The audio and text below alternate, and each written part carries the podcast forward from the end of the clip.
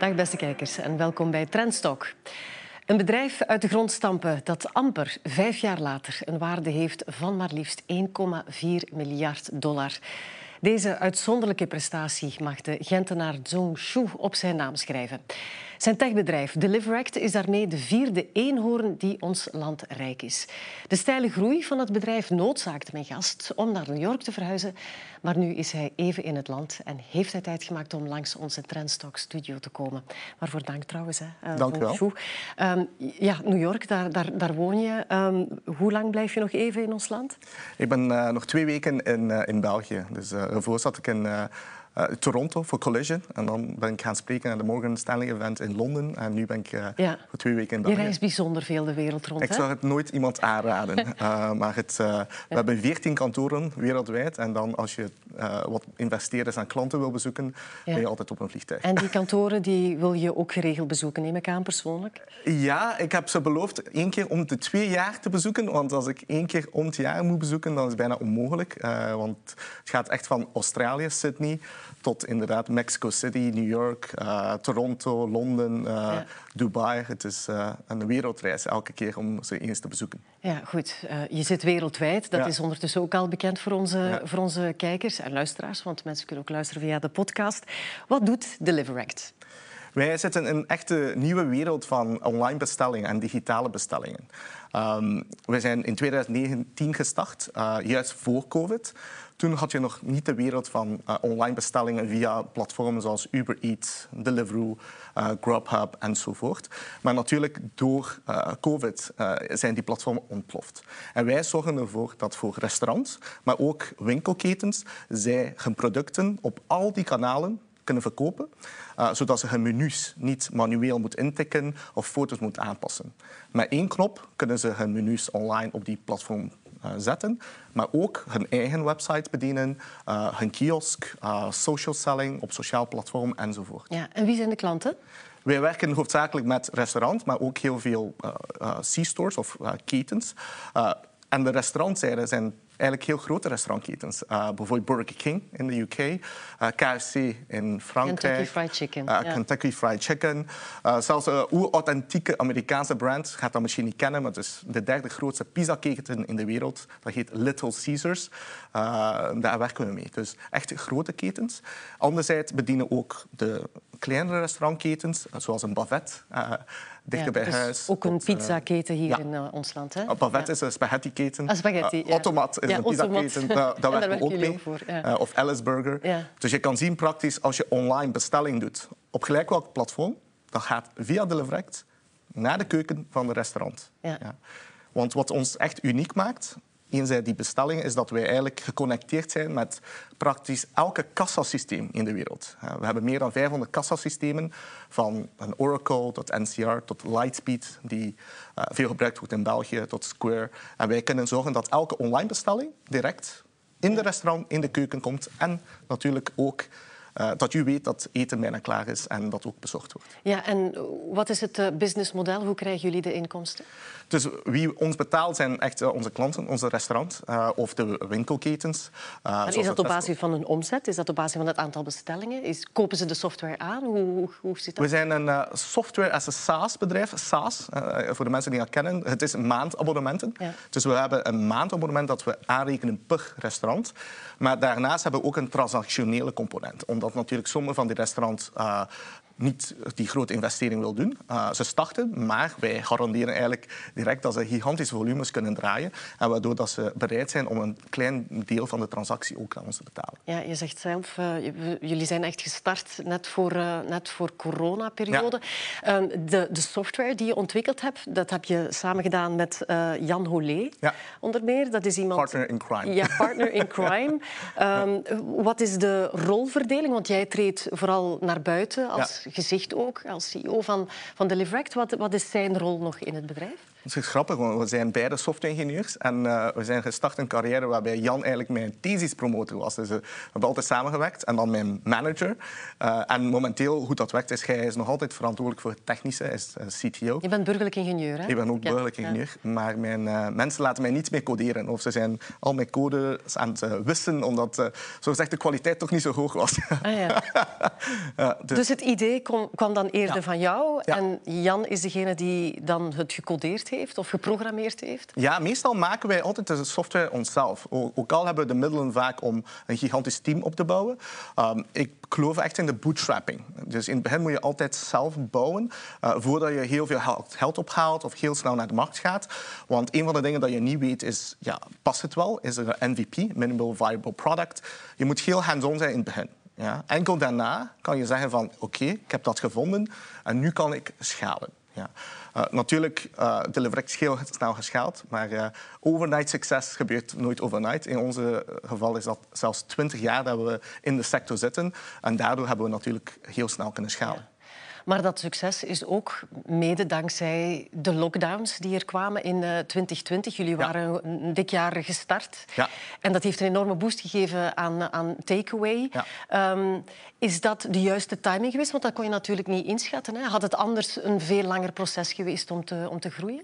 Ja, dit is mijn derde bedrijf. Dus um, de vorige keer heb ik... Uh, met Lightpay ook een publiek bedrijf kunnen maken. En mensen zeiden dan tegen mij... We waren het eerste iPad-kassa in de wereld. Dus we hadden een app op iPad. En ze zeiden, je hebt geluk gehad. Want ja, ja iPad kon je niet weten. You were just lucky. En we waren dit nu starten om te bewijzen dat we're not lucky.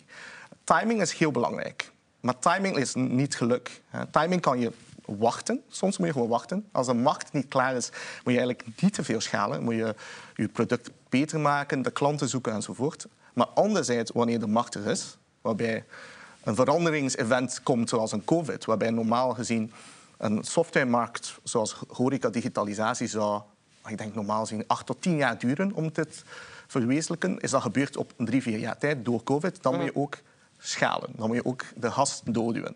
En ik denk dat dat uh, uh, verschil maakt tussen een goede en een geweldige ondernemer. Die timing begrijpen, maar ook iets doen eraan. Ja, ja. Je, je, verwees net naar, naar je vorige uh, bedrijf dat je hebt uh, opgestart. Dat is die Postios. Hè. Dat is opgestart in 2011, ook met uh, Jan Holé, die ook ja. gecodeerd heeft. Um, welke lessen heb je geleerd met, met Postios?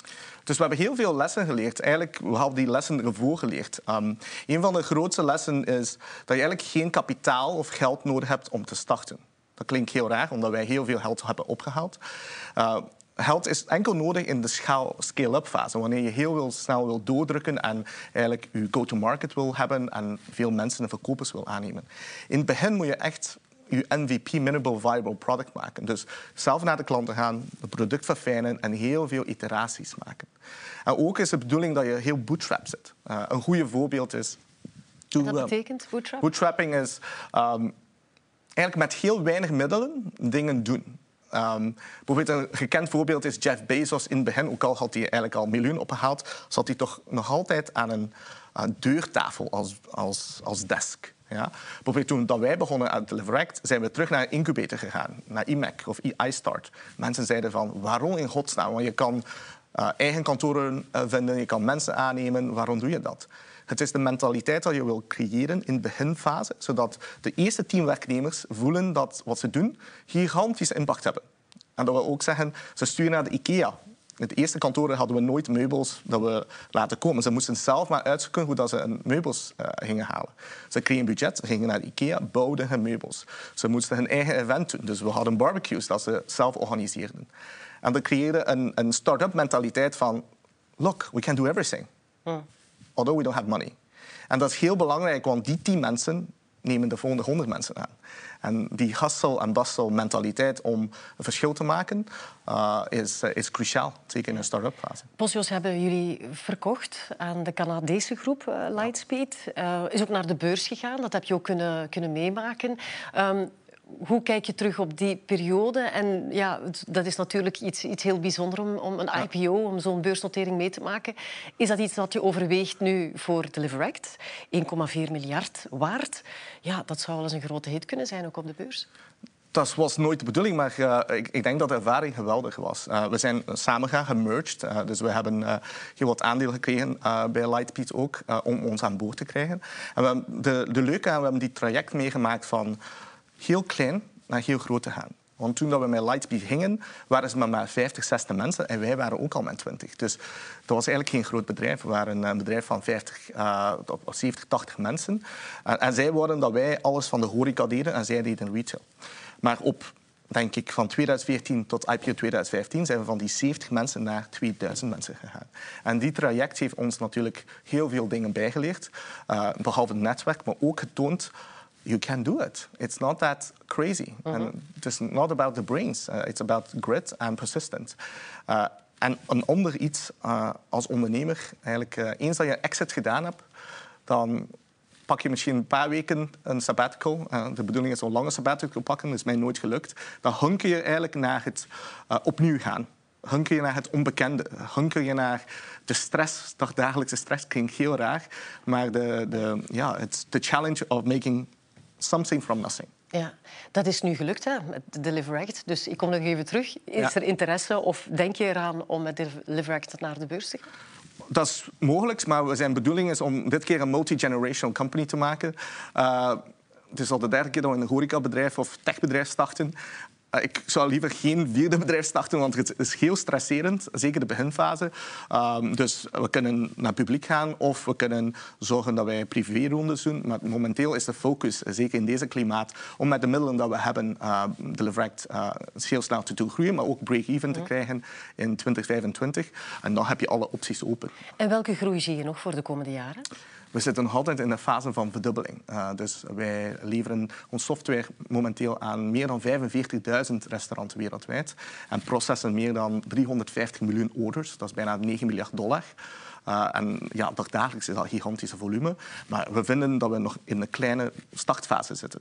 Want gewoon de online food uh, market, dat is enerzijds restaurant, maar anderzijds ook groceries, is het 1 trillion dollar market. Dus ja, goed, misschien doen we 10 billion it's a peanut. Ja. Uh, we're still starting. Ja. Jullie, still starting. Ja. Uh, jullie zijn nu de, de vierde eenhoorn mm. die ons uh, unicorn, hè, die ons uh, land rijk is. Hè. Je hebt Colibra, het Waalse Odo, Team Blue en daar hoort nu ook Deliveract in dat, in dat rijtje op ja, vier, vijf jaar tijd.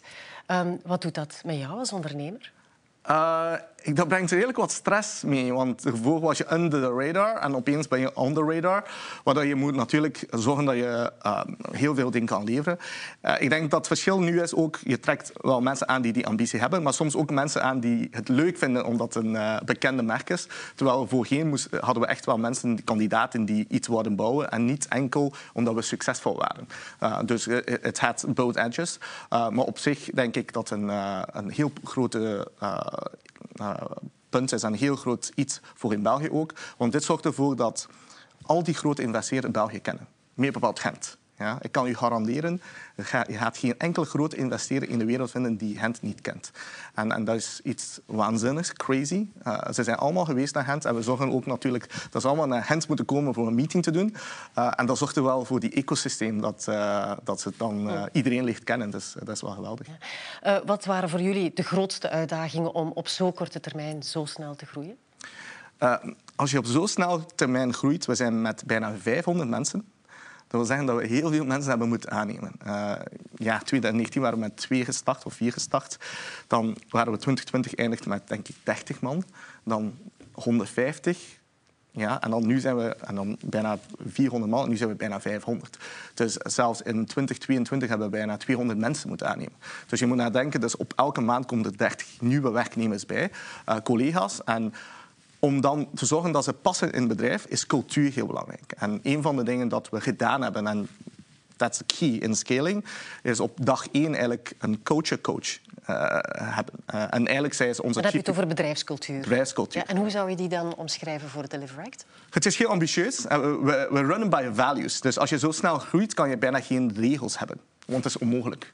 Enerzijds, ik ben heel slecht om zelf regels op te volgen. En ik ben van mening, als je een regel maakt, moet je zelf volgen. En als ik zelf niet wil volgen, dan moeten anderen ook geen regels hebben. Uh, dus het is echt gerund met values en waarden. En onze chief people officer, die ook onze coach, coach was, Ingrid de Krek, die was gestart met ons toen dat we twee waren. Ik weet dan nog toen dat Jan en ik nog iStart in de incubator in de meetingroom zaten, ging iedereen raar. We waren met Lego's aan het spelen. Ze snapten het niet. Waarom zijn die mannen met Lego's aan het spelen? Wij zeiden van, kijk, we zijn onze cultuur aan het bouwen, maar omdat we ingenieurs zijn, kunnen we dat niet verwoorden. Dus heeft gezorgd dat we met Lego's volledig de schema gebouwd hebben van waar we naartoe willen gaan. En dat heeft een gigantische impact heeft, uh, gehad. Uh, want als je schaalt, is alles een playbook.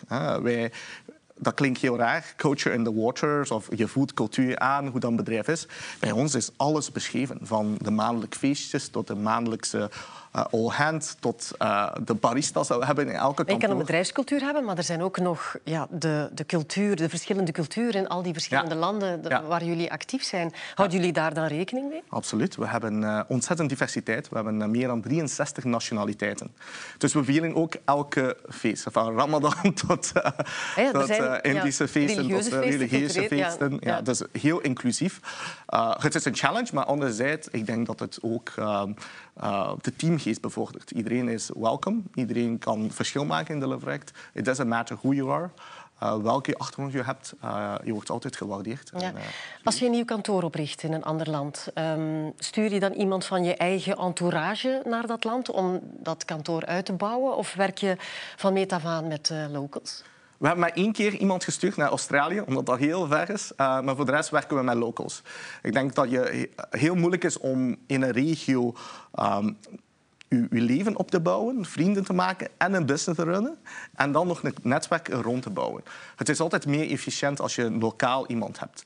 Natuurlijk, je wordt cheat. Uh, we're cheating, want we kennen heel veel van die mensen van onze vorige leven. Uh, daardoor dat we natuurlijk ook heel snel kunnen gaan. Uh, ik denk op een bepaald moment hebben we op één kwartaal, dus letterlijk ergens in denk ik 21, op drie maanden tien kantoren geopend. Allemaal op hetzelfde moment. Ja. En de bedoeling was, we zullen zien, want overal zullen ze dit nodig hebben. Uh, de regio's dat niet zou werken, dan kunnen we nog altijd achteraf ja. terugtrekken. Uh, maar de realiteit uh, heeft gezorgd dat wij overal gebleven zijn, overal gegroeid. Ja, en hoe hou je voeling met al die verschillende kantoren? Want je zegt, ja, ik, ik probeer één keer om de twee jaar naar elk kantoor te gaan. Dat is natuurlijk niet zo heel veel. Hoe hou je voeling? Hoe weet je wat er leeft in die kantoren in andere landen? Wij doen heel veel van die cultuursessies. En daarom cultuur is heel belangrijk. We leren van dag één hoe dat je feedback moet geven. Uh, we zorgen voor heel veel van die cross-functional teams. Dus ook al heb je de regio's die hyperlokaal alles beslissen, bijvoorbeeld als er een marketing-event is, wordt er ook wel gecoördineerd op een globaal niveau. En doordat wij heel veel van die cultuursessies doen, of de mensen samen krijgen, uh, ene keer om, uh, om minstens zes maanden, creëer je nog altijd die voeling. een goede voorbeeld daarvan is dat had ik ooit, had ik, um, toen we in 2020, 2021 waren, de belofte gemaakt aan 20 mensen toen, dat uh, als we 2000 restaurants zouden halen als klanten, we, ik zou, ze zou overvliegen naar Ibiza voor een, een weekend om te ontspannen. Uh, dan had je COVID in 21, COVID in 22. Uh, toen dat we konden gaan naar Ibiza, waren we met meer dan 400 mensen. Dus ik heb mijn belofte ook waargemaakt. Echt? Ik heb 400 ja. mensen vanuit uh, 14 landen overgevlogen naar Ibiza voor vier dagen. Niet enkel feest, ook heel veel sessies en ja. business sessies. Maar uh, je moet voorstellen, dat was de eerste keer dat mensen elkaar konden zien. Dat was juist na de lockdown, mei 2020. En ja, dat was uh, een geweldig, geweldige ervaring. Ja. Ja. Ik wil het nog even hebben over jouw achtergrond. Hè? Want je, bent, uh, je hebt Chinese ouders. Je was vijf jaar, want je bent geboren in Shanghai, dacht ja. ik. Op vijf jaar ben je naar Gent verhuisd, omdat je vader doctoreerde, denk ik, aan, uh, aan de Universiteit van, van Gent. Um, wat heb je meegekregen vanuit je achtergrond, vanuit je opvoeding? Zeker het Aziatische cultuur. Uh, je bent traditioneel, maar anderzijds, je, zeker als je in Shanghai bent, is het bold en big dat je toch wel veel durft. En ik denk, het verhaal van mijn vader is nog indrukwekkender, want hij kwam juist na de Cultural Revolution generatie. Ja, dus heel moeilijk. Hij, had, uh, hij was de eerste generatie dat kon studeren, want universiteiten waren toen gesloten. En toen dat hier kwam, het is goed dat ik in de horeca geraakt ben. Uh, had hij ook natuurlijk moeilijk, want ze zagen toen China als derde wereldland. En hij was aan het doctoreren, maar ze zeiden tegen hem, we gaan u niet betalen voor een jaar. Hij was volledig in paniek. Dus eigenlijk is die, uh, in het weekend in random Chinese restaurants gaan afwassen. Drie restaurants hebben hem buiten gegooid. Denk de vierde heeft hem uh, aangenomen. Uh, en daar is hij natuurlijk begonnen. Uh, en een van de grappen was, die eigenaar zei, dat was in 1989 toen dat Windows en DOS uitkwam. Ja, kan je iets maken om een restaurant te runnen? Het is ontzettend moeilijk, allemaal manueel werk met papier. Hij zei, nee, ik kan niet coderen, maar ik zal proberen. Hij kocht een boek. Want ja. in wat heeft hij dan gedoctoreerd? In, in materiaalkunde. Ah, ja. Niets te maken okay, met uh, ja. software. Dus dat, dat programmeren, dat kwam erbij? Het kwam erbij, want hij kocht een boek, Learn C++ in 30 okay. Days. En toen heeft hij een kassa gemaakt uh, voor de Chinese restaurants, die vandaag in 90% van alle Chinese restaurants in België en Luxemburg draaien. En ondertussen ook bij elke friet want de frituurs, want dat wordt ook gerund door friet Dus uh, ja. eigenlijk de hele horeca, uh, vanaf de kleinere uh, frituurs tot Chinese restaurant, tot van dat Michelin-sterren restaurant, hebben ergens wel te maken met de familie Chu. Maar jij zegt dat je vader en, en, en je moeder ook die, die, culturele revolutie heeft meegemaakt. Die, ja. komt, die komen in België terecht. Je bent vijf jaar, je groeit op in een ander land, ja. andere taal, andere cultuur. Dus wat, wat neem jij mee in jouw leven dat je zegt dat is wel de les die ik in mijn tienerjaren, in mijn jeugdjaren, ja. kinderjaren heb gekregen? Ik, zeker bestendigheid. Uh, het is om, heel moeilijk, want je spreekt de taal niet. Uh, als kind word je vaak gepest omdat je een andere achtergrond hebt. Dus uh, je wordt daar heel sterk van. En ook als immigrant, mijn, mijn ouders zeiden op toen ik 16 jaar was, ze zeiden van, je moet werken. Ik zei, in godsnaam, ben 16 jaar, wat ik moet doen. En uh, ze zeiden van, kijk, uh, al die Chinese restaurants waar we mee werken, die hebben websites nodig. Dus ik ben op 16-jarige eigenlijk avondles gaan volgen, Dreamweaver, webdesign. En tussen mijn 16 en 18 heb ik bijna 700 van die lelijke Chinese websites gemaakt. Dus als je nog ene ziet online, van ja, ja. wow, dat is van de jaren stilletjes, ja. wel, dat komt van mij. Hoe kijk je daar naar terug? Ik denk dat het een geweldige ervaring is, omdat je leert dat uh, eigenlijk je out of your comfort zone moet gaan. Ik ben altijd out of my comfort zone. Een andere anekdote was, toen ik 17 was, zei mijn vader ook van... je moet meer doen dan website maken. Uh, bij BK zoeken ze vertaler-tolk. Ja, voor, tussen, ze hadden juist in China gegaan uh, voor Belgen en Chinezen. En uh, ze, maar ik zei, dat is onmogelijk. Ze zoeken een 25, 26-jarige met een universiteitsdiploma, burgerlijk ingenieur. En jij gaat mij sturen als 17-jarige. En tot mijn grote verbazing was ik de beste kandidaat. En heb ik elke zomer bij B-kaart voor de senior level altijd vertaler-tolk mm. gedaan. En wat je leert is dat de limiet altijd jezelf is. Dus je moet gewoon, you just need to do it. Het is altijd jezelf die je limiteert en niet de wereld. Dus wij denken allemaal alle dagen, the worst thing can happen, you know, it's doom and gloom. Maar meestal, the worst thing never happens. En de reden dat je niet verder kan, is jezelf die je tegenhoudt. welke band heb je nog met China? Uh, nu natuurlijk veel minder. Uh, ik, heb, ik, had nog altijd familie uh, daar wonen. het is moeilijk natuurlijk met COVID om naartoe te gaan. Voorheen gingen we elke twee, drie jaar naar China. Um, het was een manier om in de toekomst te kijken. een goed voorbeeld was toen dat in het begin... Um, iedereen sprak over QR-code ordering. Hadden ze dat al twee jaar, drie jaar gedaan op mijn gsm. Uh, toen dat QR-code ordering of bestelling en betaling ingeburgd was in Europa, ging ik terug naar China en zeiden van pak mijn gsm, ik wou scannen. Zei mijn nicht, are you crazy? Ah, ja. It's so old-fashioned, just walk ja. out. Ik bedoel, what do you mean with walking out the restaurant? Hij zei, ja, yeah, it's face pay. You walk out, ze zien je gezicht en dus betaald. Ah, dat komt er nog aan dan? Dat komt, dat, ja. dat komt er sowieso hier aan. En je ziet dat al de, uh, vandaag met uh, Apple-identificatie. Mm -hmm. Maar elke, denk ik, twee, drie jaar evolueert het zo snel uh, dat het bijna in de toekomst kijken. Ja. Jullie zijn nog niet actief op de Chinese markt? Nee. Waarom? Omdat ik ook weet hoe moeilijk dat is. Je moet, uh, het is een andere uh, wereld. Uh, je hebt de Chinese firewalls. Je internetbedrijf moet je alles daar lokaal opbouwen. Je moet een corporate venture doen. Je kan niet zoals een bedrijf heel makkelijk daar starten. anderzijds is de wereld heel groot. we zitten al in zoveel landen, dus laten we daar eens op focussen. -huh. Ik mag je een serial entrepreneur noemen, hè? want je hebt al oh. heel wat voor, ja. voorgaande ervaringen, nu Deliveract. Maar daarnaast ben je ook nog eens in Casper gestapt. Um, ook net voor COVID ja. gestart. Dat is een dark kitchen. Ja. Uh, dat klinkt wat kinky, maar misschien eerst even uitleggen wat een dark kitchen is. Ja, het was... Um ik heb heel veel horecavrienden. Uh, een daarvan was Peter van Bavet. En die zei van, je maakt altijd software. You, know, need to eat your own dog food. Je maakt software en je gebruikt het niet. Ik zeg, dat is wel waar. En toen zei ik, ja, wat we kunnen doen is, uh, is een heel grote trend van uh, Dark Kitchen in Amerika. Keukens waarbij dat je eigenlijk digitaal je eten verkoopt. En de reden waarom is, stel dat je een restaurant hebt, kan je eigenlijk heel veel produceren. Ja, dus je niet gelimiteerd door het aantal uh, uh, maaltijden dat je kan maken. Dus als je dan online kan verkopen, kan je heel veel groter bereik hebben van, van, van klanten. En in een dark kitchen verkoop je bijvoorbeeld niet één brand, maar heel veel brand. Dus daar heb je... Merken. Een, ja. Dan kan je pizza van Bavet, ja. maar ook een... Spaghetti van Bavet, inderdaad. Ja, een spaghetti van Bavet en een pizza van Automat. Of, of, ja. Dus je hebt verschillende merken ja. die daar hun producten kunnen... Ja. ja. En die worden in één, één, lo één lokale keuken... Worden die Bijvoorbeeld, je kan online... Uh, mensen zullen wel kennen in Gent, Antwerpen. Ondertussen is dat over heel België, Nederland en, en Frankrijk. Kan je Gloria Lasagna bestellen. Mm -hmm. Je gaat nergens een echte Gloria Lasagna restaurant vinden. Of uh, salades van Pascal Naessens. Uh -huh. Dat is enkel via online te bestellen. Tot in de Barney's Burgers. Uh, tot uh, you know, Flying Focaccia's. Dat zijn broodjes enzovoort. Dus die brands worden verkocht vanuit één locatie op vier online platformen. Dus je moet zien, die hebben tien van die merken. Vier online platformen. Eigenlijk heb je virtueel 40 storefront. 40 keer waar mensen eten kunnen bestellen. Ja. En dat is ontzettend schaalbaar natuurlijk. En op welke manier ben je hier dan nog bij betrokken? Of ja, je bent meer Ja. financier, je hebt het mee Ja, opgestart, maar ben ben je ook opgestart, ja. operationeel op een of andere manier? Nee, dus uh, betrokken? we hebben een CEO, Matthias Laga. Uh, die is uh, heel goed aan het doen. Wij, wij kennen hem vroeger omdat hij bij Waffles de dingen werkte in, in, in de US. Dus de juiste mentaliteit. En de reden mensen vragen waarom dat ik opgestart ben en niet functioneel daarmee bezig ben.